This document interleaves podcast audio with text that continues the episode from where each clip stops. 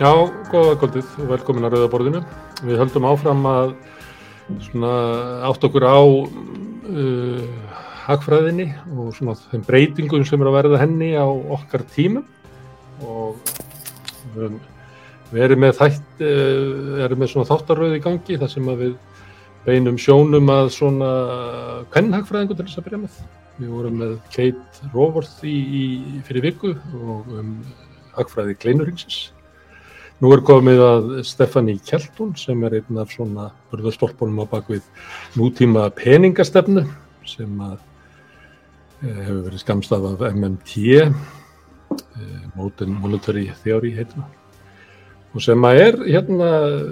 heitt topic í, í umræðu um efnarsmál og, og hagfræði. Ég er bara átt að mig á því ef ég vissi það ekki áður að svona þegar ég var að bóka inn eina þátt hvað margir hafa mikla skoðan á þessu og kannski ekki allir til í að koma og, og taka þátt í deilu um þetta en þetta er bara um þetta deilt og, og þetta er uh, tengi svolítið líka viðbröðum stjórnvalda við um heim og sælabanka í COVID-kreppinni sem hefur haft miklu áhrif á það hvernig svona fólk horfir þessar stofnarnir horfa á það hvernig hægt er að beita peningamálstöfni. En hinga til þess að ræða þetta er Ólafur Markesson, hann er hagfræðingur og rótt kominga og þarf að kynna hann en eh, hann hefur mikið skrifað og rittað um, um MMT. Hérna líka Átni Helgadóttir, hún er stjórnmálafræðingur sem hefur einhverjum verið að rannsaka hagsögu uh, og verið að rannsaka hagfræðinga í gennum tíðina. Uh, Áskei Brynjar Torfarsson, hann er hagfræðingur og hann er hérna sérfræðingur í, í Sælabengum og svo er Jökul Solberg Auðunsson sem er áhuga maður í hagfræði Það er alltaf verið hugmyndin að hafa í þessu samtali svona bland, sambland af lærðum og leikum. En eins og síðast að þá ætlum við fyrst bara að byrja að glögga okkur á það hvert umræðuefni er og það er, er eh, Stefani Kjelton og, og nútíma penninga, uh, penningamálastefna. Ef, ef við byrjum bara á, á Stefani sjálfur í áskipringina Torfarsson, getur þú sagt okkur eitthvað hver þessi kona er? Já, hún er... Uh kannski öfugt við Kate sem við vorum að tala um síðast og kleinringina að hún hefur svona ákveðar að breyta hagfræðinni innanfrá, innan úr hagfræði deildunum eh, en hún tilheyrir svona hópi sem var mjög lítil kirkja og þau voru mest í Kansas fyrst og, og tengjast í raun og veru uppaflega kannski Minski, Randall Ray sem var leiðbennandinn hennar um, að, að um,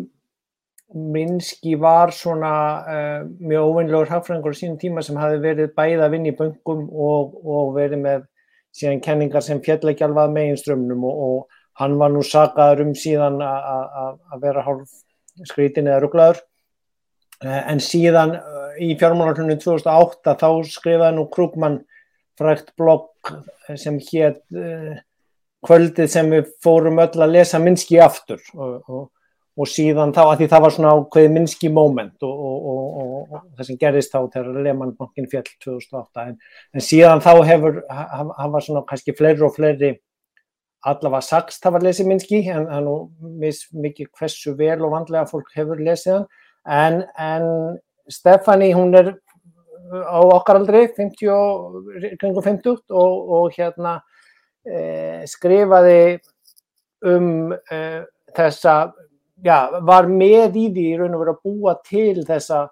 nútíma sem er kallið peningakenningu, Ek, ekki peningastefnu, það er það sem Sjálabankarnir setja, peningastefnu, það er að reyna ákvæða vextina, en, en, en, en hún Eh, ég hitt hana nú fyrst á ráðstöfnum hjá Institute for New Economic Thinking einhvern tíman um það leiti sem ég og Óli vorum í doktorsnáminu. Og, og einmitt við báður höfum lesið Minski þó við höfum ekki hist síðan fyrir ná útdarpi sögu hjá þér en, en hún eh, Stefani varðeila síðan svona bara fræg eða, eða já, svona selep eh, eftir að sko faraldurinn fyrir á stað. Hún kemur út með bók 2020, var náttúrulega búin að vera að vinna lengi í henni og, og, og þau búin að vera uh, að vinna að því að gera þetta svona almennari og alþýðleiri kenningar og, og, fá fleiri og fleiri að skrifa um það reyna breyðu óðskapin en, en kannski gengi sérstaklega vel en hún var hins vegar efnaðsraðgjafi hjá Bernie Sanders 2016-2020 þannig að hann hans eh, áherslumáli efnaðsmálum voru kannski svolítið lituð af þessu þó að hann hafi nú að eh, sko flaggað eða eð, eð, MMT-inu beint. Eh, en síðan þegar að, að sko faraldurinn kemur og, og, og þá byrja náttúrulega Trump bara að eigða peningum alveg eins og ekkert sé og, og síðan tekur bætin við uh, og í raun og veru eins og ég hef sagt einhvern áðurinn á rauðaborinu hjá þér þá er efnaðastefna bætins heil mikið lituð af uh, þeirri undirbúinsvinnu sem var búið að vinna af þessum ofennilegu hagfræðingum sem voru í liðinu hjá börni en, en hins vegar lendir síðan bætin í, í, í þeim vanda komaði í gegnum þingið. Og, og þetta er sko síðan eiginlega það sem fleitir henni þannig að hún fer í hádegis viðtal sem er svona baksíðu viðtal á, á Financial Times eh, 2019 um það leiti sem bókin er síðan að koma út 2020 sem heitir Deficit Myth. Það er, segja, það, það er oft talað í, í meginströmsakfræðinum Deficit Bias. Hagfræðingarnir telja sér þurfa að vera svona að passa upp á hérna hættulegu pólitíkusa sem vilja alltaf eigða mefni fram og, og, og þeir séu hannir svona uh, séu hallir undir það að reyka uh, ríkistjóðina eða hefur ofinbæra með halla, eigða meira heldur en þeir hafla. Uh, og, og þá í raun og veru kemur Stefani með síðan bókina sem verður svona fræg um allan heim og lesin og fann að hafa áhrif inn í Washington og inn í politík viðar sérstaklega eiginlega með hjálp síðan faraldursins. Að bókin hennar Deficit Myth er í raun og veru að bera fram þann boðskap að þetta með hallaregstur sé ekki vandamál fyrir e, ríki eða ríkisjóði sem gef út sína eigin mynd. Þannig við verðum að halda efriðsvæðinu fyrir þann en, en, en það verður eiginlega sko að geta þess að, að það var byrjuð svona aðeins umræða menn voru að átta sig á því að þetta væri nú ekki algjörst bull af því að eh, eh, hann eh, Oliver Blanchard sem var aðalhagfrængur eh, alltaf gældarsjósins held mjög fræga ræðu á ársfundi amerísku hagfrængarsamtakana eh, í janúar 2019 eh, þar sem að hann sínir fram á það með svona hefbundu aðferðunum að að, að það sé nú hægt að reyka ríkisjóðuna með hallað ef að vaksta kostnæðurinn sé lægri heldur en haugvoksturinn. Þannig að, að, að síðan í raun og veru það sem að e, gerist, hún, hún e, var oft með á kynningunum sínum svona tilvittnun sem er eignu gandi að sko fyrst e, ignorerar þeir þig, síðan hlæjaður að þér uh, og svo fara þeir að slástu við þig uh, en að lokum vinnuru uh, það er tilveitnum í Gandhi sem hún hefur notað. Ég held að við séum og, og, og, stöðinni, þar sem þeir eru farinir að berjast við hana, að ráðast við á hana. Þar sé að Larry Summers, Krugman og fleiri er, út, í, er, út í útlöndum en hérna er kannski staðan svo að það er ennþá verið að bara láta þess að hún ekki til Já, já, já, já, já, já, hér, það, það var, manni var bara hendu um út úr, hagfræði og viðskiptafræði glungum háskólans fyrir að minnast á þetta. Ég er endar sko myndist ekkert á MMT í doktorsutgjörni minni sem kom úr 2014 en ég hins vegar hafi lesið mjög mikið af sama litteratúr og þess vegna eru við, við Óli svona í, í vissum samhljómi en, en þú ger það og ég held einu sem hefur skrifað með MMT á sé greinin, fína greinin hans Óla og hún byrtist í tímariti SCBS, ég veit ekki hvort fólk veit samband íslenskra bergla sjúklinga mm. eh, og þó hún sé nú betri en reyla flestar greinar sem ég hef lesið í, í, í tímaritum viðskipt og efnaðarsmál sem að Sælabankin og, og, og Háskóli Íslands og Háskólin í Reykjavík gefa út sko. En, en, en hún hefur líklegast ekki fengist byrt þar en, en það, það er svona Uh, já, uh, nýjast hluti fjárháskið við lesum um, um deficit bias þannig að hérna menn eru ennþá svolítið hrættir við hann kannski hér. En, en út í heimi hefur eiginlega þetta snúist uh, að því að hún var kannski of, það er stort viðtal við hana í, í New York Times bara fyrir nokkrum vikum en, en, en núna þegar að verðbólgan er komin að þá er eiginlega að grýpa sérstaklega þeir kallanir þannig að eins og Mers sem er nú frægur, hann er fjármálur á þeirra bandreikin en hann er nú frægur líka þegar hann var rektor í Harvard og þannig að heilinni konum væri síður til þess fallin að fástu tölur og útreikning heldur en heilinni köllum en hann er semst að búin að vera ráðast á hann á Twitter og, og, og, og Krúkmann eitthvað líka og það, það reyndar er, er svolítið svakalegt að fylgjast með því á Econ og Finance Twitternum hvernig sérstaklega konurnar sem var standa fyrir svona óheðbundnar kenningar verða fyrir rosalegu uh, aðkasti af því að, því að það er eins og það megi bara ekki viðra ólíkar hugmyndir eða kenningar eða, eða gaggrína eh, meginströmskenningarna það er bara mm. á rýsa sérstaklega kallanir upp á afturlappinnar og verða skipsættir og reyðir Komum við að því síðar. Hérna Ólafur Markísson, áður en ég byrði að útskýra hérna nútíma peningamála kenningu, ég er alltaf að reyna að finna eitthvað skára orð til þess að nota yfir það, að þá verði ég að spurja þig um það sem að, að áskilvar að segja, um, um greinina sem að þú kaust að byrta í tímariti eh, berglasjúklinga, minnum að soldið á hérna afstæðiskenningin byrtist í tímariti postmanna, eða ekki, á sínu tíma hvað, af hverju rataði þessi eh, mikilvæga grein um hagfræði inn í tímariti SBS? Það var aðskaplega einfalt. SBS einfallega baði mig um að skrifa grein um, um efnagasmál á Íslandi og ég setti þetta niður. Uh, hvort það hafi tekið mig halvan dag eða svo að skrifa þetta niður, ef ég maður rétt. Þannig að það var ekki mikið meira heldur en það. Það var ekki venið þess okay. að ég var að reyna að fá þetta byrtekstar annars þar. Það var alltaf leið. Ok, er, er, nú færðu hérna örskamastund til að útskýra. Hvað er MMT?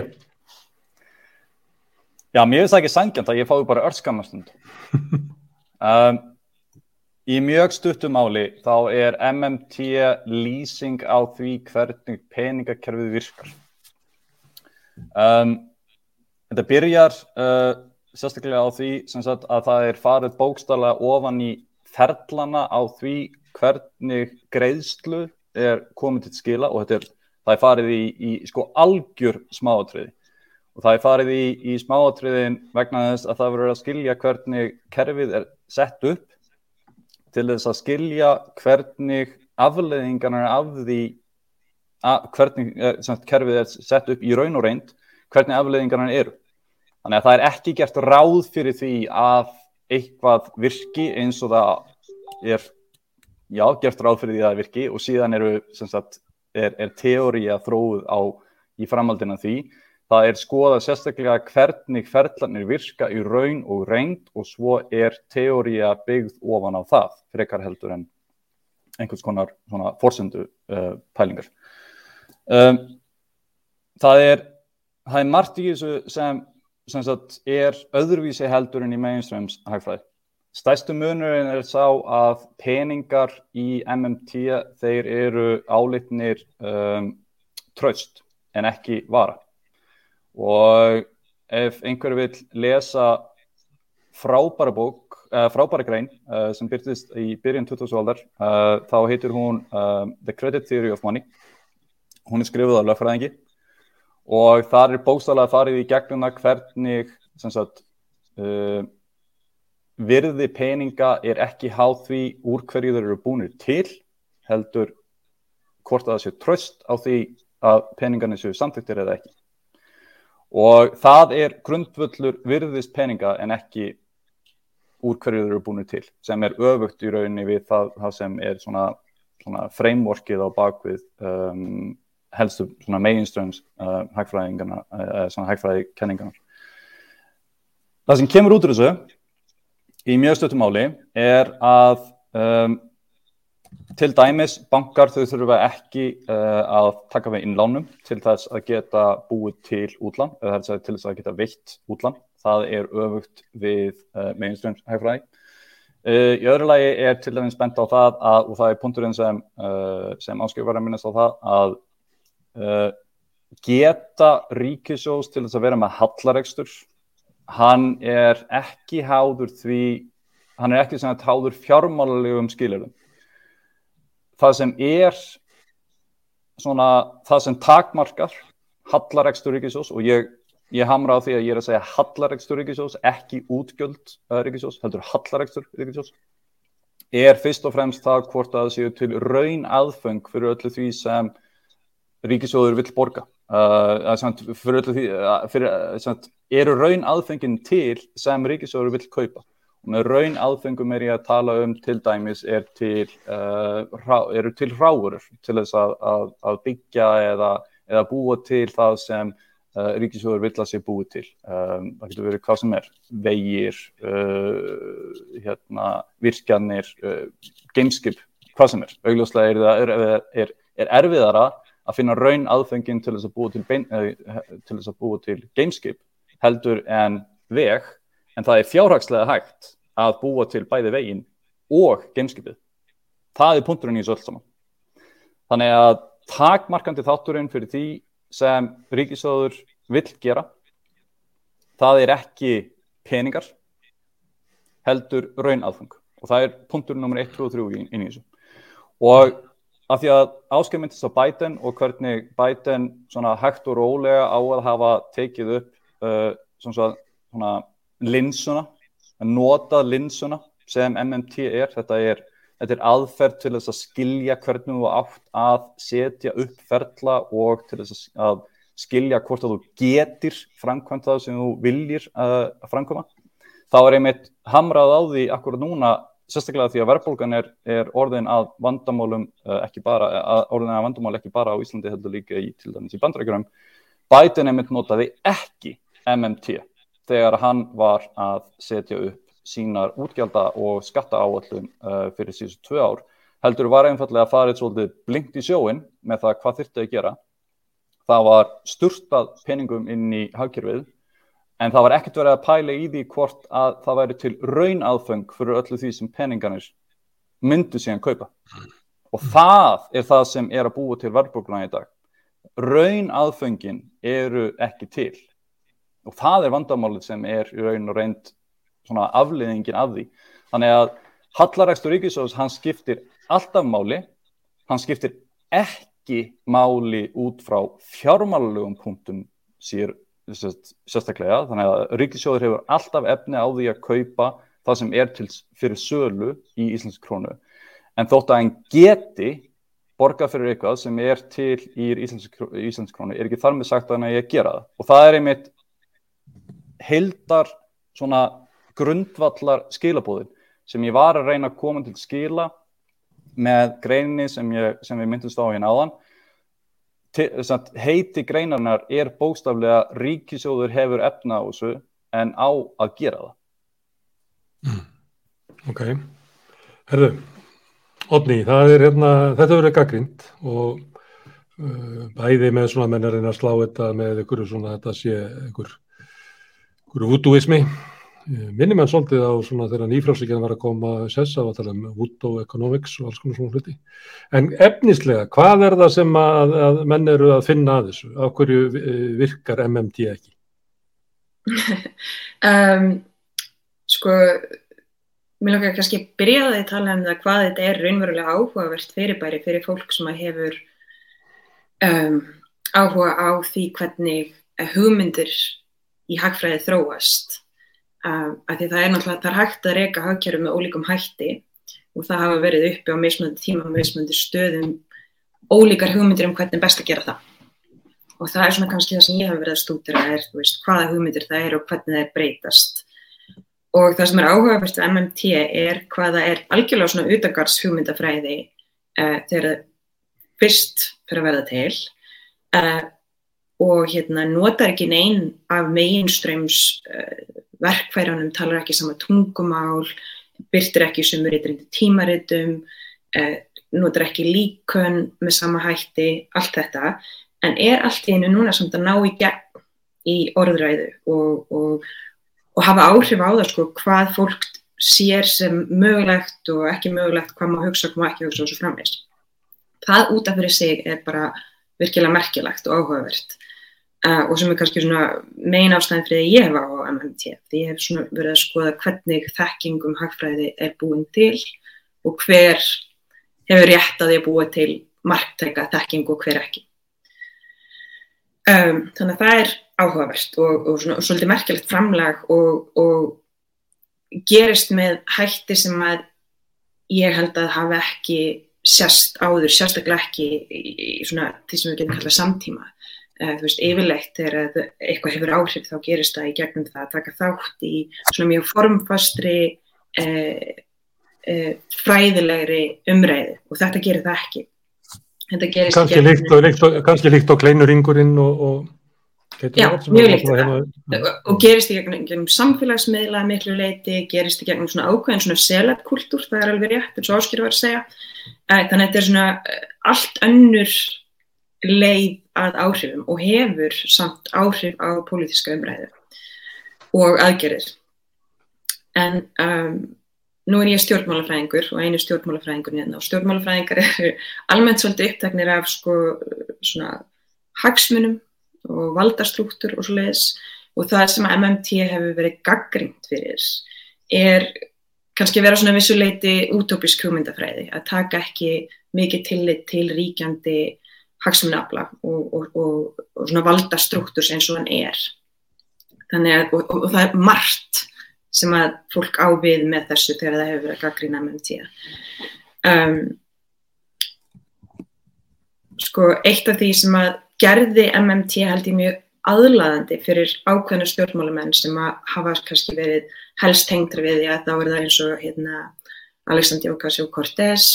uh, að tölveru leiti, Bernie Sanders að ykkur leiti þó kannski ekki alveg ja, mikið og, og er stundum látið veð, veðri vaka. Uh, það sem að gera þetta áhugavert fyrir þessar stjórnmálamenn er að þú veist yfirleitt þegar að þú ert að, að uh, kynna til sögunar stefnubreitingar einhver stór mál sem að kosta kannski mikið eins og til dæmis breytingar á heilbreyðskjárfinn í bandaríkjunum þá spurningir alltaf hvernig ætlar að borga fyrir þetta hvernig á að greiða þetta og þetta, þessi hugsun sem að er sérsagt svo að að sagt, ríki sem að gefa út sína eigin mynd þurfa ekki að hugsa þannig því þau geta alltaf, alltaf gefið út einu, meiri, meiri peninga, veitt meiri peningum inn í kærfið þurfi ekki að hugsa svona, þau geti alltaf greitt fyrir það sem er raunverulegu vilji til þess að greiða fyrir. Uh, þannig að það er, maður skilur af hverju það er hérna, freistandi og, og spennandi og áhugavert fyrir fólk sem er að, að kynna svo leiðst sögnar. Um, en það sem hefur verið bent á er að hérna, þetta peningalega sjálfræði eða uh, þú veist þessi geta til að gefa út einmynd á bara við á mjög fáum stöðum. Hún á við í bandaríkanum Uh, hún á ekki við í Evrópinu og hún á mjög óvíða við ef þú lítur út fyrir bandaríkjana af því að flest ríki utan bandaríkjana þurfa, þurfa að taka lán í erlendum gældeiri,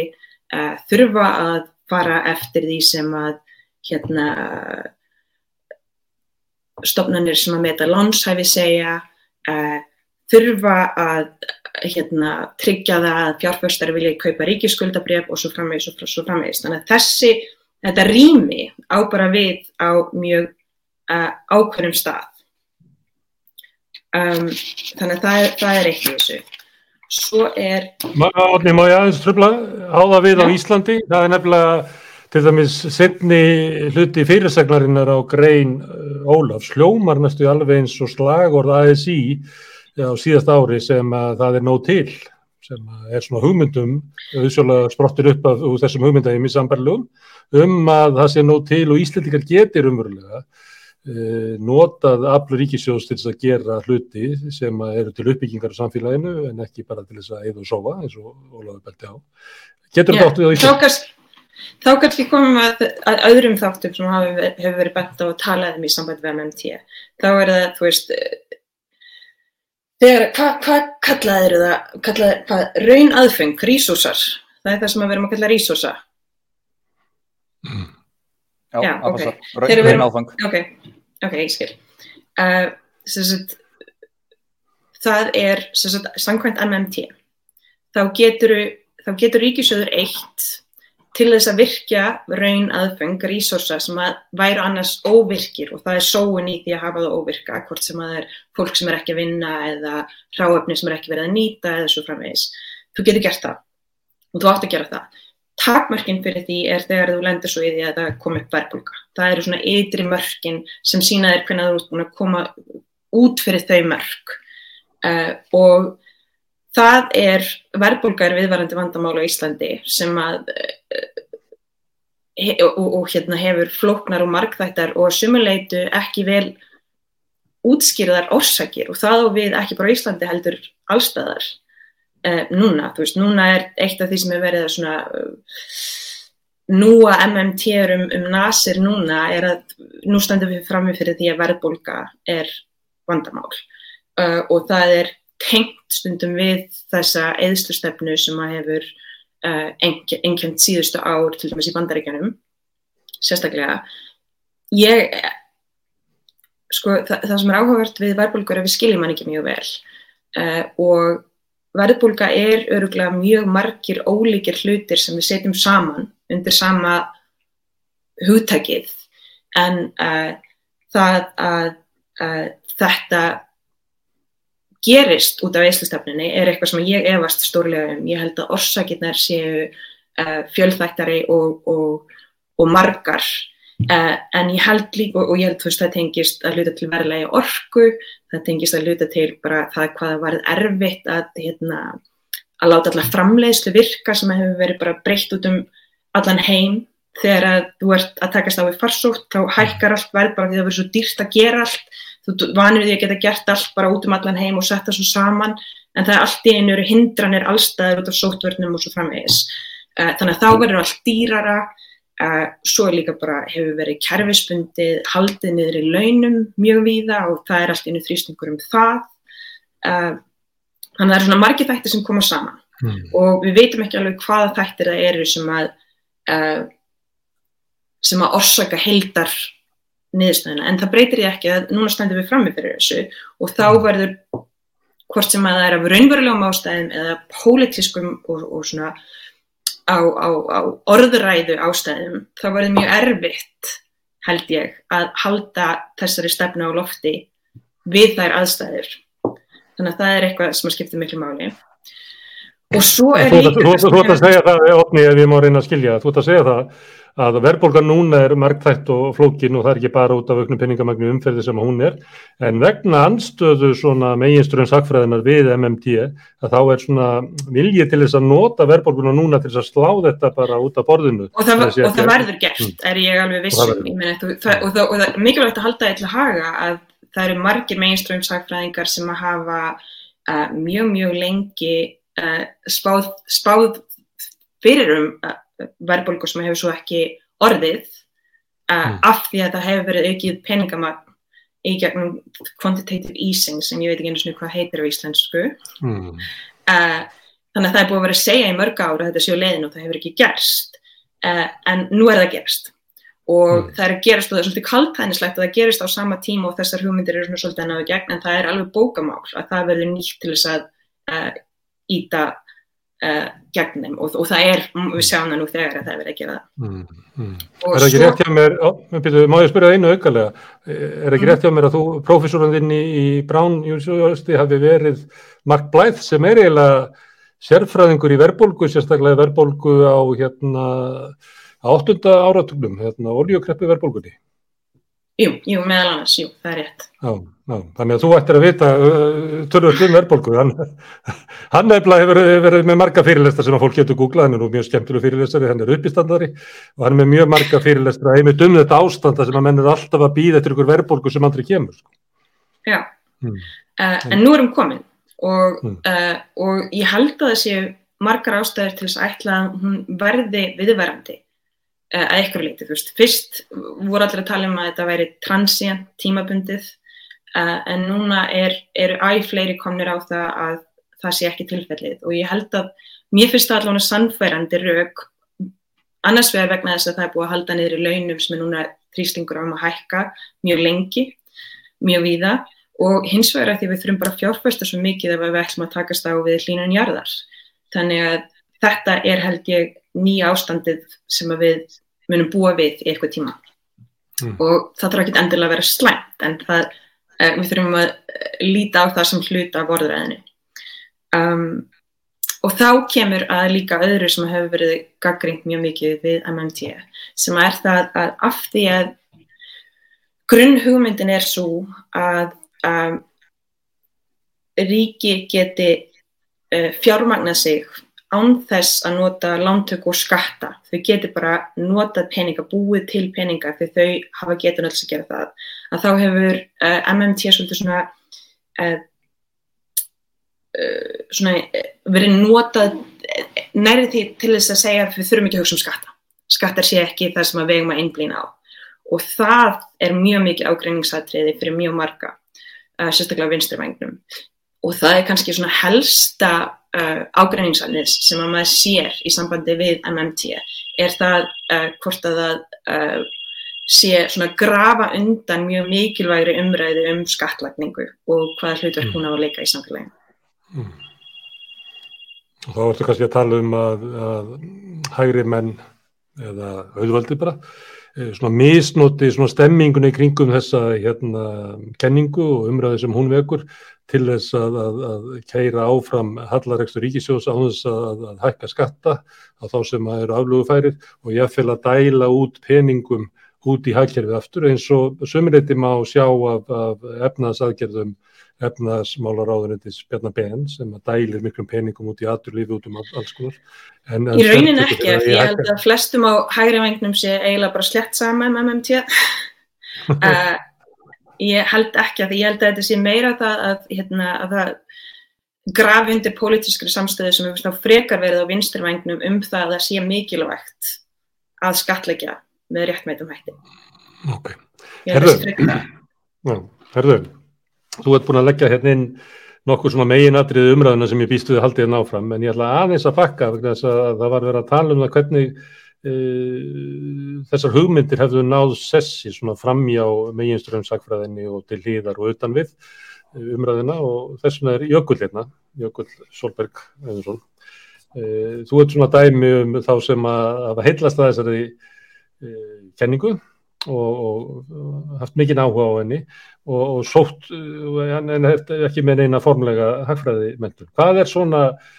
ákverju er þessi dýnamik í þessu, ákverju laðar það að eh, fólk allstar að sem að, að svona heillast að þessari kenningu, Hva, er, hvað er svona heillandi? Ég held að það sé nokkur þætti sem hættir að týna þetta til, svo fyrsti er, er held ég hvaðan þetta sprettur, þetta sprettur úr, úr, úr bloggum eftir fjármálarhunnið og það tvinnast svona þessi, þessi MMT þráður, hann, hann þú veist það er af réttrindum greinum í dag og, og hérna og þetta er að klárlega komið inn í háskólasamfélagið og, og profesorar og nefndur þeirra sem að aðhyllast þessu skóla og eru með jafnvel bara heilu kursana sem byggja á, á, á, á MMT en, en eftir fjármálurinu þá, þá var þetta mikið í bloggheiminum og það er bara allt annað jarðugur heldur en hefðbundin umræða þessum að þú getur stofna blogg náttúrulega bara og, og, og svo er þið deilt út um allt og hérna og svo svona uh, flæðir þetta svolítið yfir á Twitter svona finn twitt og það er eitt af það sem er svo gaman er að sjá rifrildin og sjá hvað fólki blöskrar sem MMT er að segja og, og svo svona, svona eins og fólk gerir þegar komið í glasa veðja þú veist, já, ég skilur bara veðja þegar verðbólgan er komin, sko, hvað nú vorum við búin að prófa þetta MMT og fólk er svona að skora hvort annað og útskjæra hlutina og maður dettur oft í það að vera bara inn á þessu finn tvitt sem er þetta financial twittir eða, eða svona sem er svolítið út í bandaríkjum og út um, út um allan heim líka sem er þessi blanda af leikmönnum og áhuga fólki og, og fræðarsamfélaginu og svo fólki sem vinnur við, við þetta fólki sem vinnur við peninga og allt frá treyturum yfir í bankafólki, yfir í analista og, og, og svona eins og veru komið samansapna fólki hérna, svolítið svipað. Og það er það sem býr til þess að skemmtilegu umræðu og geta skrólaði gegnum þessi reyfrildi, það er bara skemmtilegt. Og fyrst erum við að tala um Stephanie Kelton þá held ég að hún hefði svolítið sprottið fram á sjónasveðugna þess að hún er bara hrigalega flott, flottur hérna, talsmaður og hún er góð viðmælandi viðtölum og hún er svo skýr og, og, og hérna bara gaman að fylgjast með henni, hvernig hún svara fyrir sig og hvernig hún, hún útskýrir hlutina. Um, En ok, En Jökull, þetta er ekki- er bara partí á, Twitter sem er gaman að fylgjast með. Þú skrifaðir grein var ekki bara gær eða fyrirdag í stundina þar sem að þú ert að gaggrína peningamála stefnu Selabokas og færi fyrir Já. því rauk að þessu á, á rángri leið. Þessu leikmaður í, í, í hagfræði fær svona eitthvað afl út úr þessari umræðu til þess að koma og vilja bara fara að ræða við Selabokan hvort þeir ekki að breyta um stefnu. einmitt. Jú, það er hérna, það sem heitlaði mig á, á, á svona, fyrir utan að hafa þessi gaman að hlusta okkur yfirildi, um, þá er það, raun og veru, hversu skýrt þetta er, þú veist, ég, ég fór í, í hérna, ég reynda að vera hagfræði, ég hérna skráði mig í HÍ og, og, og það, man bara mætir eitthvað svona starffræði tímum sem eru með þungir, okkur vigrar og fylka í útrekningar og, og þetta bara, ég skildi náðaldri að skilja sjálfur hvað þetta átti að hafa neitt með svona stjórnmála hagfræði að gera um, og MMT fer, fer frekar í svona mekaník. Ég har alltaf svona mínlega til að útskýra það. Þar sem við erum að skoða hérna, stóru geirina og jafnvæg mellir þeirra sectoral balances einsku, mann ekki hvað þetta heitir í íslensku nákvæmlega. Svona það er svo rosalega margt að útskýra út, út frá því. Bókaldsjöfnur, bókaldsfærslur frekar heldur en eitthvað flókna starfræði þannig að ég held að MMT hafi tekist að sko lækka þröskuldunir fyrir uh, bæði held ég stjórnmála fólk jafnvel og, og hérna og svona leikmenn og net umræðina og fært umræðanir nær fólkinu það sem hann á að vera held ég. Og varpa svolítið ljósa á hversu, hversu súr og skrítin mikið af þessi starfræði er það sem að hagfræðan að snúast um sko, hver gætt gert floknustu útreikningarna eitthvað en útskipt hlutina með eitthvað ótrúlega mjöfnum og svona. Um, og svo er kannski hann íkomið sko, netteimana, þeir eru skemmtilegir MNT, mekaníkin og svo kannski þriðja sem, að, sem ég langar til að tala um, sem heitlaði mig það eru þessar skýrskotanir í stjórnmálinn og mjög mikið af, af hérna, MMT uh, er svona þetta er einsko svona, svona fiscal prescription og svona policy prescription. Það er hérna uh, atunum frambóðstrygging er til dæmis sko líkil þáttur í MMT svona hagskólanum getur sagt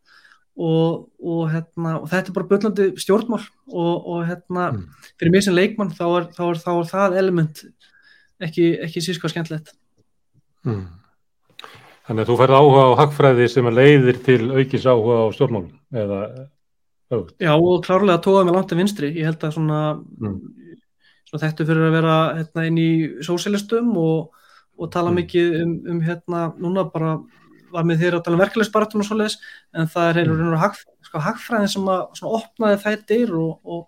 og síndi þess að eitt af það sem MMT, MMT gerir sem að Óli kom inn á áðan sem er svo merkilegt það er að, það er að útskýra hver, hver sko hvað er í bóði og hvað má og hvað er hægt að gera af því að hagfræðin sem er í, hefur verið í gangi núna hún er volar hrifin af sko svona þröngum reglum sem eru svolítið bara svona skáldaðar af einhverju liði sem vil helst bara við, við nótum ríkisjóð sem allra minnst og, og, og þetta er svona keppnum hver setur sér sko þröngustu skorðunar ríkisfjármálum þannig að ef að Evropasambandið er með 60% ríkiskuldi með landsframlæslu þá ætlum við að vera með 30 eitthvað neginn því við ætlum að vera ennþá ábyrgar en allir aðrir Mm. og sá sem er ábyrgastur hann er flottastur í stjórnmálum og MMT bara sprengir þetta upp og segir bara þetta er ekki svona Mm. Ok, Ég ætla aðeins- að fá að grípa þenni bolta, e- eldsnögt, uh, hérna, sérstaklega vegna þess að, að hérna, Jökull myndist á að, að þetta hafi tókaðan til vinstri. Það er mjög auðvelt að sjá það að fólk sem, og það snertir á punktunum sem Átni var að hérna, minnast á hérna áðan, það er mjög auðvelt að sjá það að fólk á hærivagnum það á að hafa mikið áhuga á, á því að skilja MMT líka vegna þess að það fólk á hærivagnum sem vil minka afskipti hins opinbera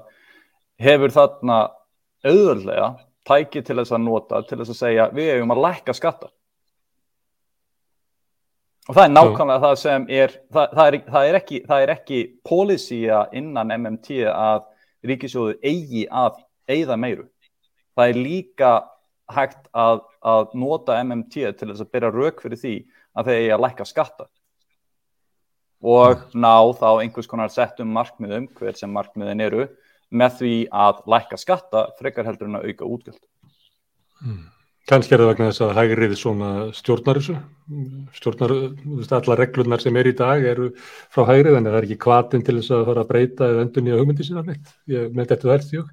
En Áskja Brynjar, hérna, ég veit að þú myndi vilja sko taka upp alls konar bolta sem hérna hafa verið nefndir, en mér langar til þess að bara að, að ég skilji þetta betur. Einhver leiti kemur MMT og, og svona kraftur nýði og powerið sem að fær fólk til þess að taka afstöðu er vegna þess að, að svo peningamála stefna sem að var að, að það er að verða augljósar að hún er ekki að virka. Hún er ekki að þjóna því sem að hún hérna, sæðist fyrir að þjóna. Uh, og, og, og hún bara halda, halda því fram að hún auki bara ójöfnuð og, og hún sé bara hægt og bítandi að flytja fjö, auð og vald frá ríkisvaldinu yfir á eitthvað svo kallaða markað sem er náttúrulega bara henni ríku og sterku. Getur þú útskipt fyrir okkur hérna hver eru sérst, ágallaður þeirra peningamálastefnu sem hafa verið kannski ríkjandi svona, ég held að við getum sagt svona 30-40 ár, eða út í heimi kannski síðustu já, 30 árin á Íslandi. Hva, hvað er það sem að veldur því að, að fólk er að leita að, að, að nýrri löst? Hvað er að? Sko, eh, ef við byrjum úti að þá er eiginlega frá fjármálarsöninu 2008 búið að vera mjög nálagt núlvöxtum, stýrivöxtum um allan heim og búið að bæta við QE, Quantitative Easing, sem hefur verið týtt sem magnbundin íhlutun og hérna uh, sem er í raun og veru það að Sæðbankan kaupi skuldref og ekki bara ríkjóðana hjá fyrirtæk. Það, það er einn tegund af að koma meira peningamagni út í umferð. Um, þannig að uh, það sem hefur gerst frá fjármálarsunninu var að efnarsendingar Sæðbankana fyrst kannski tvöfölduðust þá og svo voru þeir búin að fjórfaldast ef þeir voru einn hana 2007-08 þeir voru orðinir fjóru sinum meira fyrir COVID. Og, og, og frá því að COVID byrjaði að hafa þessi hann aftur tvöfaldast, þar sé að eru orðinir kannski 8-9 sinnum stærri efnarsendingar stærlabankana held, heldur en þeir voru. Og e, vandin fælst í því að þá eru sömum sem finnst að þetta hljóti að leiða til verðbólku að því þeir eru búin að læra kenningu sem segir að magn peningana uh, aukist það að þá hljóti það að verða til þess að verðgildið er að mingi og þar með komi verðborga og þeir eru írni. Uh, eh, vandin í þessu, uh, þetta þarf að fara svolítið langt áttur, fer alveg aftur fyrir sko setni heimstyrjöldina og, og þegar að í raun og veru peningakerfi heimsins er búið til í Bretton Woods rástefnunni 1944 Uh, og þá erum við ennþá með gullfót sem takmarkar þetta svo ég reyna að fara svolítið satt yfir síðan tekur Nixon í raun og veru dólaran af gullfæti 71 og, og svo samhliða að þá uh, uh, síðan upp úr 80 kemur nýfrálsíkjan og, og síðan samhliða því kemur sjálfstæði Sælabankan og verðbólkumarkmið en, en þetta eru nokkrir þættir sem fléttast saman. Þannig að, að það eru eiginlega frekar í mitt mannfræðingar, stjórnmálafræðingar, lögfræðingar, félagsfræðingar sem að stúdera þennan hluta hagfræðinar sem ná að skilja þetta betur heldur en hagfræðingarnir sjálfur sem læra einhverja kenningar og það eru kannski til svona þrjár megin kenningar um verðbólkuna og ég er algjörlega sammála átnýju að, að hún er miklu floknar fyrirbæri en menn vilja viðkenna Uh, og, uh, og, og, og við erum að lifa mjög spennandi tíma núna af því hún er komin. Takk eftir það er búið að vera að býða eftir að fá verðbólkun í gang, bæð út í Evrópu, Breitlandi, Bandaríkjónum, síðan, já, ef ekki frá fjármálarsönni þá allavega frá 2013 eða 2014 eða í Breitlandi frá Brexit 2016. Sko, þannig, þannig að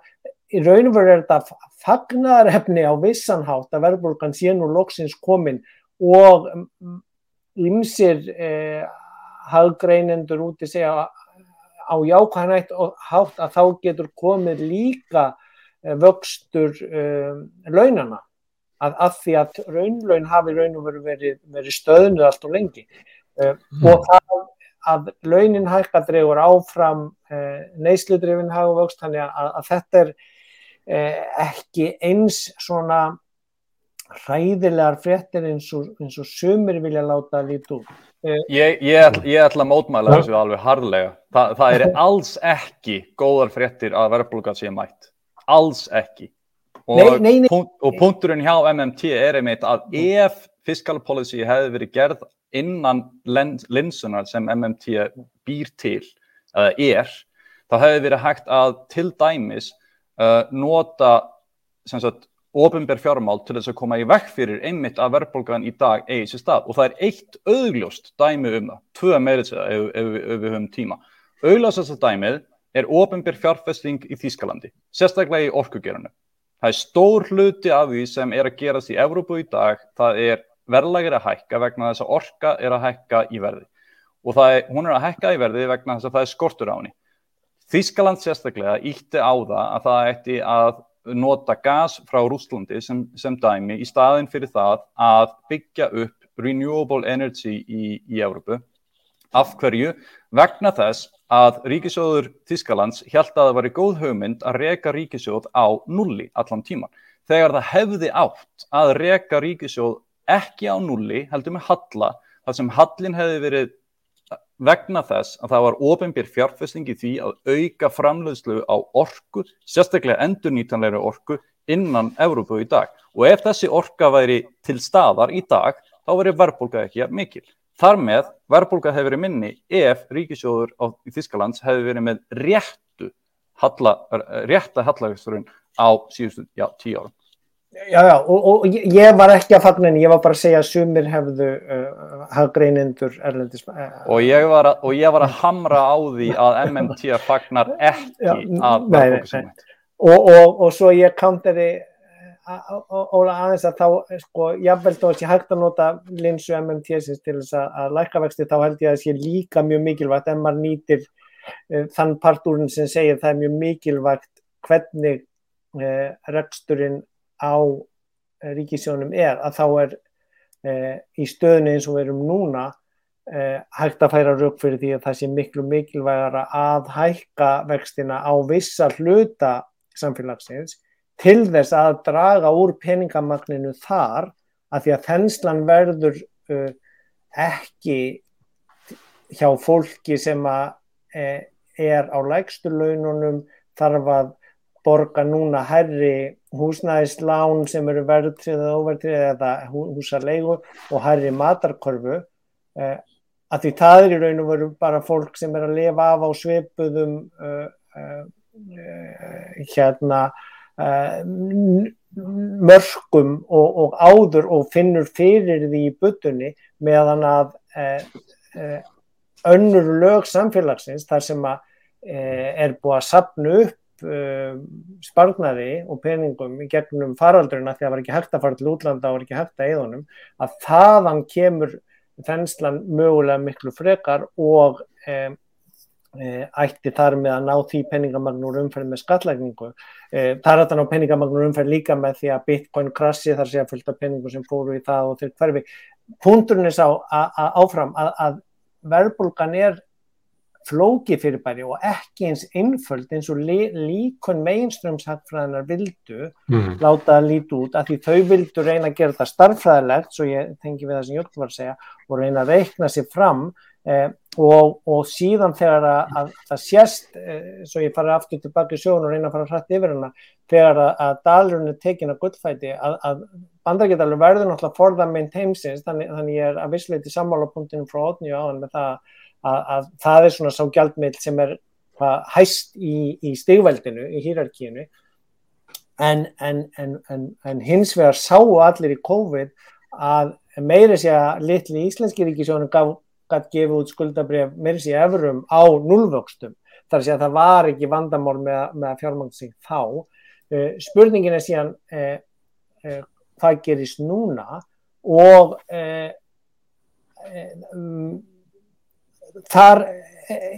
kemur líka þá krafan út frá hefðbundhjómyndum og nú þurfa að hækka vextina af því að verðbólgan sé komin. En áttið okkur á því hvað það þýðir megin vextir selabankans eða stýrivextir eru vextir bankans á innlánum bankana hjá selabankanum. Þannig að selabankin er núna bara að fara að prenta meiri pening til þess að borga bunkunum vexti ofan á einstæðuna sem þeir völdur að hafa í selabankunum. Þannig að þe- þessi eh, nýprentun peninga rennur, rennur til bankana og við sjáum að, að hagnaða þeir eru aukast og bónusunum er að byrja eh, en, en sko Já, kenningarnar Ásgeir, Ás- Á- Ásgeir, hérna, eh, ég sé að hérna, Ólafur Ég- var að, eitthvað, að forna höndum, ef þú kemur stutta aðtöða þetta Ólafur, svo ég er nefnilega á leiðinni til otni af með spurningu, svo ætla ég líka að staldra, við hjá Jökli sem var með einhverja pælingar um, um orkuskipti að því að þú nefndir hann orkunar rétt á.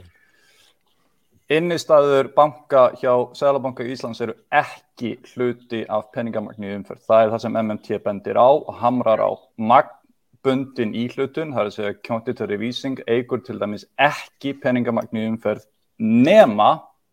ríkisskuldabrifið eða skuldabrifið sem Sælabankin eru að kaupa sé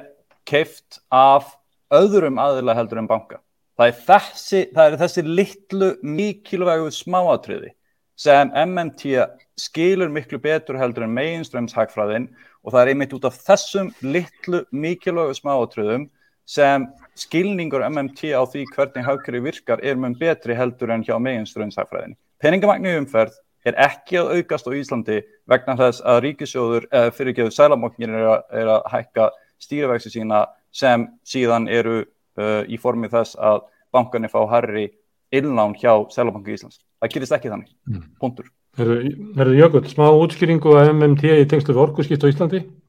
Já, sætti í hérna maður tala um Þýskaland og, og, og, og hérna og gasi sem er verið að flytja inn frá Rúslandi og nú er það að hækki verðið og eitthvað svona uh, sko verðbólguskot á Íslandi er út af húsnæðisliðinum, verðbólguskot í Þýskalandi er út af verða orku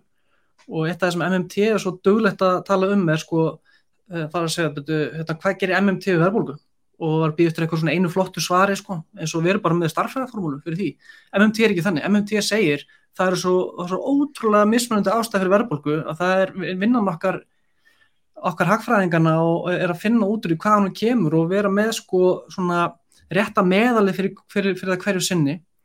Gott að með þetta í Þýskalandi er, er sem sagt uh, Isabella Weber sem er hún, hún er ekki, ekki sjálf titluð sem einhver MMT hagfræðingur alls ekki en Kelton er að læka tvítin hennar, það er að vera svolítið góða vinkonur og Twitter sem aður. Um, hún, ég tók það með þessi greinin sem ég skrifaði. Hún er að það til að, að, að sko orku verður til heimila fyrir svona ákveðna grunnnótkun til að uppfylla ákveðin lífskilir fyrir heimilin að, að það, það sé sko verðþak á því. Og verðþak er svona tabú í, í, í hefðbundinni hérna, hagfræði en hann er verið að opna á þessa umræðu, þú veist, gæti það hjálpa okkur að, að dreifa, þú veist, þessari takmörku orku sem við höfum á, á, á, ákveðinu verði til ákveðina aðila uh, út frá einhver sangirnis sjónamið, þannig að það strax að- sem við erum að segja áðan, sko, MMT er svo stutt í raun og veru pólitíkina, MMT sem er svo skemmtilegt. Og ég ætlaði bara að stinga það inn að hérna orkuskiptunum í Íslandi, það sem við erum að, við erum að færa okkur svona rosalega hrattir rafbíla. Um, þarna erum við bara að fara að spara hérna gjaldir, þurfum ekki að flytja inn ólínu sjálf og, og þetta, þetta með hjálpa okkur að, að passa upp á verð, að við sem ekki með innflötta verðbólgu gegnum verð, verðlag og, og álága krónu og annað slíkt sko. Þannig að hérna, ég veit ekki, ég, það er kannski ósængjöld að kalla þetta eitthvað MMT innsæi en MMT varpar svo sannlega svona segir að, að sko verðlag það sé ekki eitthvað eitt svar við því. Má, má ég svara síðan örstu dóla, það er mjög gaman að við séum loksins aðeins ekki e, sammála um allt, en það er ég ekki MMT-ari, en ég kom bara óvart inn í þetta út frá bókaldinu, að reyna að skilja bókaldi í böngunum og það leiðir þá pípulagninnar í því upp til selabankana, en þegar að bankanir fara að borga út bónusana eða borga út arð til hlutafana vegna aukins hagnaðar, hvort sem hann er vegna aukina útlána uh, herri vaksta á húsnæðislánunum eða meiri húsnæðislána, að þá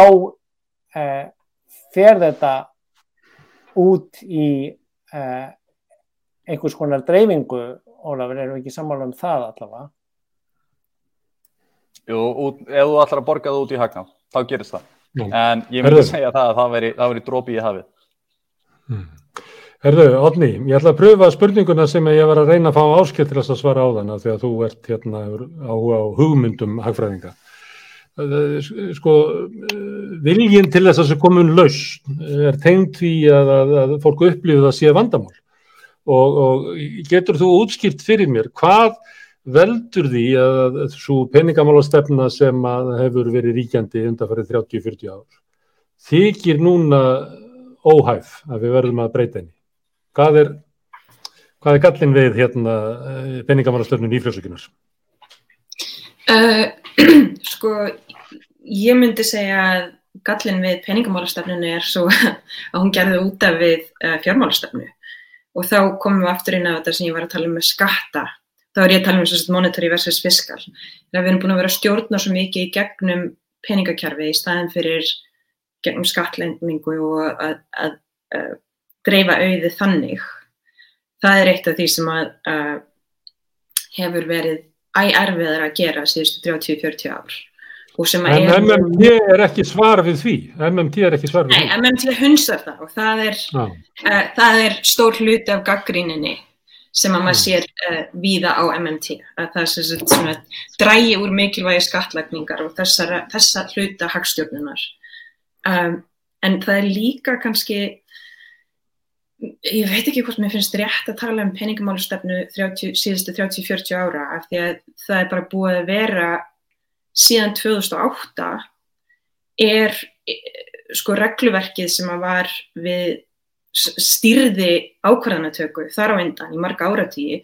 það fór bara svolítið út um glukkan og það sem að hefur verið að gerast síðustu 10-15 ár er að hérna það er að verða æmera bil á milli sko hagfræði sem fræðigreinar og þekkingaframlegslu sem að nöyt eh, til skamstíma mjög mikillar virðingar og nærri því svona trúarlegar virðingar gæti við sagt. Um, það er að verða mjög mikið bil á milli hennar og, og þekkingarnar sem hún heldur áfram að framlega með sama hættu hún gerði rauninni fyrir 2008 og svo það kröfunar um það að stjórnmjöld takist á við breytilegar flóknar aðstæður. Og það sem eru kannski ekkit svör sem að koma þaðan sem eru um, viðhægandi eða uh, hægt að nota á praktískan hátt. Og það er þetta tómarum, þetta gap sem er verið til að milli sko akademiskara þekkingaframlegslu og svo bara raunheimsins sem MMT stígur svolítið inn í. Uh, mm þannig já, það, það, það sem er líka svo áhugavert við MMT, veist, það er að stíga inn í svona gap og, og sem er bæði sko vöndun á stjórntækjum fyrir ofinbæra hvort sem það eru söðlabankar eða, eða ríkistjórnir sem get ekki reitt sig á líkon sem að voru notið og mjög útbreytt fyrir hrun og eru núna eiga miklu erfiðar uppdráttar, get ekki útskýrt og gátt ekki útskýrt hrunið til dæmis. Uh, Má ég bara aðeins spilin í það, Já, það er nákvæmlega út af því, ég er algjörlega saman en það er nákvæmlega út af því að það var svona lokapunkturinn í sögunum minni sem var alltaf lengi með hann, að megin ströms hagfræðin tók peningana bara út úr uh, líkonunum sín mótunum Já, það, það, var svona blindur blettur í hagfræðikenningunum að peningar, og ég vennilegt fólk trúir því náttúrulega ekki, en sko þessi DSGE-mótel eh, eh, selabankana Dynamic Stochastic General Equilibrium, þetta dæmi sem við jókvæmlega varum að tala um aðan, eru ennþá notuð þó þau hafi sínt sig ekki virka frá fjármálaflunum, en þau eru hvorki með bankan ég peninga inn í sér og, og, og þarna byrtist vandin og við sáum það í síðasta þætti að, að Daðimár sagðist bara vera eh, eindahagfræðingur og, mikró og vildi ekkert blanda sér inn í vanda eh, þjóðhagfræðinar eða makrohagfræðinar. Þannig, þannig að það meiri sé innan hagfræðibildana bara orðin svona eh, sílu á myndun sem, að, sem Ótni var að lýsa svo vel með hvernig raunumvöru þegar að raunveruleikin virkar ekki eins og líkoninn þeirra sem þeir hafa byggt á í, í nokkra áratíi afhjúpast í raunveru við 2008 að, að halda yngu vatni að þá þá er bara uh, já, eins og Jarlen sagði unconventional, óvenjuleg peningastefna er orðin bara venjan eh, og svo kom Já, nýja normið. Uh, já, Já. og þetta er líka, þú veist, og þannig að spila líka inn í bara hvað er raunveruleiki, veist, þessar fólks er ólíkur, ég meina það er náttúrulega bara tvent ólíkt að vera hagfræðiprófessor annars vegar og svo sæðlabankastjóri hins vegar hvað þarf hagfræðiprófessorinn að gera í sínu daglega lífi? Uh, hann eða hún þarf að byrta greinar og greinarnar þurfa að falla inn í umræðu sem er til fyrir og sem er drifin áfram af, af líkunum sérstaklega. Og, um, og það er bara svona ákveðin svona path dependency í því það er mjög erfitt að brjóta upp hvernig þú gerir þetta og þannig, þannig að þú veist þetta er mjög mikil klípa fyrir uh, þekkingamyndun innan þjóðhagfræði það er eins og eins og áskilur var að segja mjög mikið stöðutapp hjá þjóðhagfræði innan hagfræði í, í, í breiðum skilningi. Þú sér allir að þú skoðar að öll svona virtustu verðlaun innan þessara stjættar það fer allt til hérna, mikró núna undarfærin ár. Af því það er bara, þú veist, þetta er svo, mikil tilvæstakrafna Mm. en það breytir því ekki að það stjórnvöld þurfa stjórntæki Já, ok. Uh, hagfræðin, hún hefur verið svolítið grunnur stjórnmálana. Uh, hagfræðin skaffaði svona, uh, þú veist, um hvað við vorum að tala. Nú er staðan svo að, að, að flestir, eða bara afhjúpaðist í hrunur og fleira, að, að það sem að var trúið að vera heilagur sannleikur er, er hrunið. Og það eru svona ymsa tilrunir í gangi en ekki svona eins svona megin hugmynd nema kannski MMT um hvað gæti tekið við. Og þá vil ég spyrja ykkur að því að Jökull og Ólafur eru svona uh, á því að MMT sé mögulega svarið en ég heyri að þið eru bæði svona skeptísk. Er eitthvað annað sem að væri í samkeppni við MMT að taka yfir svona hugmyndir okkar um, um penningamálastefnu og ríkisfjármál? Ég held sko ef ég má taka þetta, ég held að það, það eru svona tímabil í sögunni þar sem eru stórar hugmyndir sem eru ríkjandi og sem eru svona heildstæðar og svona, já, svona, svona kohérent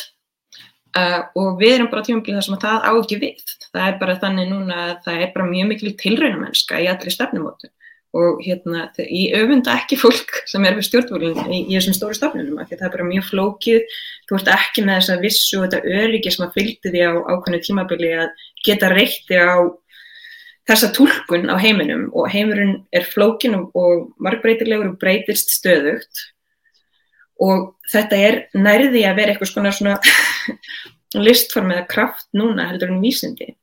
og ég held að það sé staðan sem við erum í núna það er engin stór ríkjandi hugmyndafræði allavega í stefnumótun Mm. Og, Og þú ert kannski í bestu stöðunni, þú ert í bestu stöðunni þar sem að þú ert að fylgjast með fólkinu sem er að reyna að finna, finna stefnuna og velta því fyrir þér svona hvernig þið komist að þessari hugmyndum og svona, en ert ekki alveg í því að reyna að taka ákvörðu hvort að þetta dugi eða hitt dugi ekki. Þannig að þú ert kannski í bestu stöðunni í þessu. Það er þú að skjóta inn í, þess Já, að ég, ætla- hérna ég- MM Tjörun. Já, ég, ég ætla bara að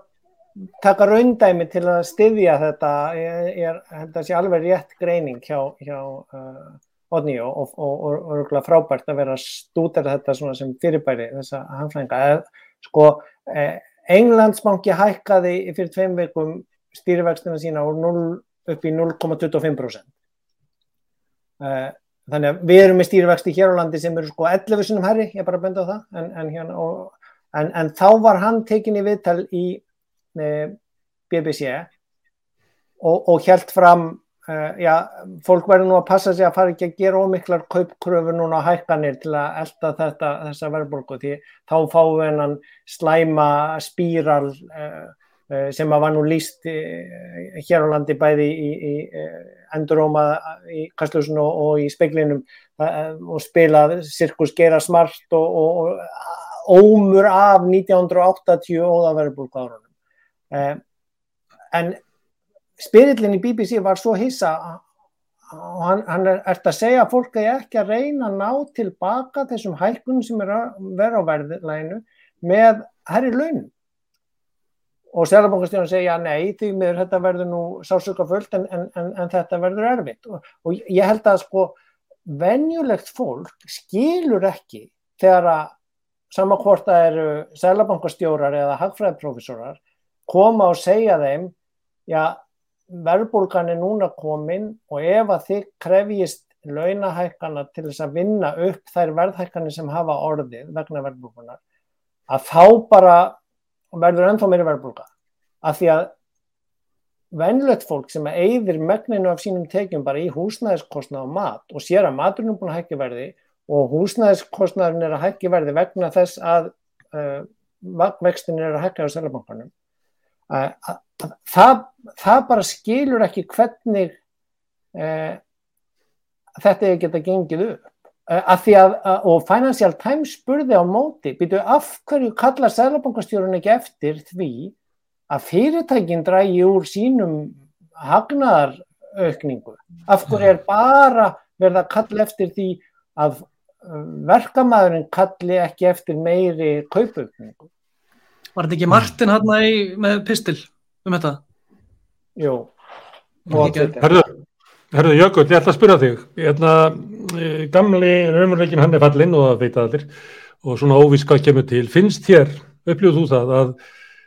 MMT sé svona jólatriði sem við gætum hengt svona stefn okkar á að það sé svona grunnur sem við gætum mótað svona uh, framtíðar uh, eða svona, ekki framtíðar bara svona, næsti, næsti hérna, samfélagsáttmáli snú, sem gæti verið burðarvirkið í, í næsta samfélagsáttmála um það hvernig við ættum að, að reka ríkisjóð og, og peningafálastöfuna Ég held að enn en sem komið er, það er bara bara ef við skoðar hérna, bankastarfsfólki sem eru á Twitter á Íslandi og, og hérna, bara allt sem að Kristún Frost er að segja hvernig, hvernig fólk hefur að taka það, það er bara það er rosalega neikvæðni út í MMT og svona unorthodox hagfræði hugsun. Eh, á sama tíma og MMT er að takast sko listilega að lýsa langt best hvernig hagkerri virkar. Og mér finnst að það komi bara svo bersinlega ljós á síðustu árum að lýsingarnar og líkunum sem að MMT með eru, eru, eru, eru að ganga upp og, og ég er ekki alveg hérna, meðast ingangurinn hjá Otni frábær og ég hugsaði sko svona þegar 80% á hann var komin þá hugsaði þetta er, þetta er svona með samgjarnari gaggrinni lýsingum MMT sem ég heirt og svo fór hann alveg með það hérna í loki sagði að MMT vill ekki skatleikja, ég held að það sé ekki alveg rétt, ég held að ég þekk enga MMT hagfræðingar sem er að segja skattaskiptingu máli. Og það, það eru þert að móta að segja þessi mjög mikilvægt að, að, að hafa það tól í, í hérna, tólukistunni til að geta bröðust einmitt við verðbólku og bröðust við þessum alvöru mörgum sem eru sett. Um, Jólatré, ég held að hérna, geta hengt utan á þetta, já ég, sem, sem, sem, sem lýsingin sem við getum ættum að geta sammælst um sem er svo mikilvægt til að geta svo farið að rífast um hvað við ætlum að gera nákvæmlega að byggja þeim grunni ætti á, á, á papír, finnst mér að geta, að geta verið þessi grunnur sem við ætlum að byggja á Það sé svona líka endur nýjuna kraftur í þessu að, að stundum er svona stöðnun bara því að fólk stendur alltaf sama hólum og horfir á hlutir frá sömu sjónarhóðni þannig að líka MMD færið aðeins sjónarhóðið til og það getur komið aðra lausnir, þess vegna er ég að tala um bara að þetta sé svona jólatrið Ólafur, Já. þú ert hérna þekktasti MMT maður á Íslandi. Er, er MMT þannig að þú getur farið inn til dæmis á fundi hjá stjórnmálflokkum, framsókn og býrutum og hlera og bóðað MMT sem vil hjálpa þeim vegna þess að stjórnmálinu líka að leita leiðum út úr þessu, vegna þess að þau eru í þrótti vegna þess að sömuriti rann undan þeim svona uh, grunnurinn um, um hverja þetta verða reglur í ríkisfjármálum og öðru sliku. Eh, að MMT geti verið svona grunnurinn af því sem að væri eftir að byggja á svona nýja stefnu sem að undi svara þeim ágöllum sem að ríkjættistefna hefur skilið eftir. Eða er það bara kjúriósu, svona spennandi kjúriósu pæling þetta MMT? Er það verkværi sem hættir að taka upp úr eldus hérna, skuffunni og skera helviti spröðið með því? Ég myndi ekki segja að ég myndi bóða MMT en aftur myndi ég, myndi ég reyna að fá fólk til að skilja hvernig hagkjöruð virkar í raun og reynd eins og MMT er búið að benda á hvernig það virkar. Þannig að þetta, þetta er ekki trú, þetta er lýsing. Það er mikilvægt að munna það.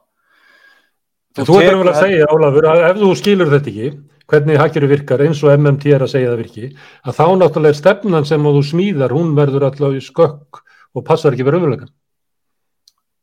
það er meiri hætta á því að það gerist, já það er ekki þar með sagt að það endilega gerist en það er meiri hætta á því og ég ætla líka að hamra á því þú tekur ekki upp MMT þetta er ekki, ekki, ekki efnahagsstefna sem hún bara getur tekið upp, þetta er lýsing á kerfinu eins og það er í dag. Það er punktur með þessu öll saman. Þetta er ekki, ekki policy eða, eða eitthvað svona efnahagsstefna. Þetta er, þetta er lýsing. Og þess vegna er svo mikilvægt að horfa á þetta eins hlutlust og þú getur. Ef þú skilur lýsinguna þá getur þú síðan tekið þínar eigin ákvarðanir um það hvort, hver pólisíðan á byggða á þeim skilningi eigi að vera og hvort að pólisíðan eigi að vera að auka útgjöld eða lækka skatta eða breyta sköttum á ákveðin hátt eða auka fjárfestingu eða svo framvegis. Það er afleiðing af því að þú skilur hvernig hafkerfið virkar en það er ekki það sem MMT er að segja þér og það er að gera. Það er punkturum með þessu alls saman. Og ég ætla líka að, að hamra á því sko, sérstaklega því að, að hérna þá hefur verið að tala um svona, svona fjarlæðina á milli akademíu og raunveruleikans í dag. Fyrir um áratug síðan sagði við mig hagfræðingur sem þá kendi við Háskóla Íslands og kendi mér á meðan ég var í Háskóla Íslands. Ég tók BS-in í hagfræði uh, hjá HÍ að tilgangur grunnnáms í hagfræði við Háskóla Íslands var að sjá til þess að fólk myndi standa sig vel í framhaldsnámi í háskólum utan Íslands. Hugsiði örlítið út í hvað þetta þýðir. Akademian innan BS í hagfræði á meðan ég var að taka hagfræði, sem sagt, þetta er fyrir 2008, vonandi hefur þetta breyst, ég veit það ekki sjónarmiði var, var ekki það að þú ættir að kenna eða útskýra hvernig hagkerfið í raun og reynd virkar heldur var sjónarmiði það að það ætti að kenna hagfræðikenningar svo þú getur staðið vel í háskóla utan Íslands. Pæliði í því að þetta væri sjónarmiðið í öðrum greinun, greinum innan, innan HÍ. Hvað myndi verkfræði til þannig skera? Ef verkfræðin sem væri kent innan háskóla Íslands væri ekki í samræmi með raunveruleika. Ég er það ekki bara engin á allum háskólum að þau vilja forma nefndum það sína er í aðsta stig mannleira tilveru sem er að vera háskólaprofessor? Má, málið er að það er þessi, þessi svona dislocation eins og ég, því miður hafa verið að sletta hérna. Það, það er þessi dislocation á milli akademíunar eins og hann er kent í hagfræði, sem þetta akademiskar þjóðhagfræði og síðan hagfræði sem þjóðhagfræði eins og hún er í raunveruleikanum og það er þessi dislocation sem var verið að tala um hérna áðan og það er þess vegna mm. sem er þessi krísa í akademiskri þjóðhagfræði í dag vegna þess að það er búið átt að segja á því að akademisk þjóðhagfræði hún er ekki í samræmi með raunveruleikan því miður mm. Og mesta páverið í hagfræðin er svo hagfræði sem að verður til utan þessara stopnana þar sem að umröðarnar eru eins og Jökull bendi áinn og bara Twitter og, og alls konar stöðum þar sem að, að, að hagfræðingarnir sem að fylgja leiðsögn sinns gamla profesors myndu ekki láta sjá sig í. Er það hlutin að, að, að meginstöru sakfræðin og það sem hún er stundu er bara geldur staður og líkurnar á einhverju enduníun er einhver staður inn í tímariti SIBS og hvað sem er annars þar. það, er, það er alltaf erfitt að fá fólk til að skilja eitthvað ef launin þess eru háð því að skilja það ekki þannig að, jújú, jú, Planck saði um eðlisfræði að, að, að hérna, framþróðun í eðlisfræði, hún gerðist one death at a time, eins og sagt var þá. Þannig að kannski vonandi, vonandi að það þurfu ekki í hagfræði. Ég vona það virkilega. Mm. Mm. Herru, við ráttum þetta að verða lokaorðin. Eh, þakka ykkur fyrir að koma hingað og hlustundum að hérna, hlusta á það sem að verða að ræða um uh, Stefani Kjelton og, og MMT eða nútíma peningamálakenningu svo ég segi þetta nú rétt að villast upp að. Í næstu viku munum við fjalla um annan hvernafræðing eh, Marjönnu Masukato sem að hefur skrifað mikið um markaspresti og, og ég held að við munum þá líka ræða um svona uh, hlut ríkisvaldsins í uppbyggingu atvinnulífs og annað slikt. Það verður hérna góður hópur sem að mætir þar. Það verður Ólafur verður þar og Ásker, líka Jónas Alli Gunnarsson, Stefán Ólafsson félagsfæðingu kemur, Kristur Frostadóttir og kannski ykkur fleiri. Það verður örgulega gaman að fylgjast með því. Ég hérna vil benda hlustutum á að, að samstöðin er, er henni dreift á Facebook og YouTube þannig að þið lækið eða dreifið þá hjálpið þið raunverulega við að byggja upp dreifikerfið. Þið getur líka stutt samstöðuna uh, með því að ganga í alþjóðfélagið. Uh, félagar þar borga svona andverði tvekja kaffibótla á mánuði til þess að uppbyggja, byggja hérna upp daskarna sem er, er að byggjast upp. Hérna eru veða til nýjir og nýjir þættir. Ég hveti ykkur til þess að fylgjast með. Þið getur gert það á, á síðum samstöðarinnar á Facebook og á YouTube og á samstöðum.is. Takk fyrir þetta.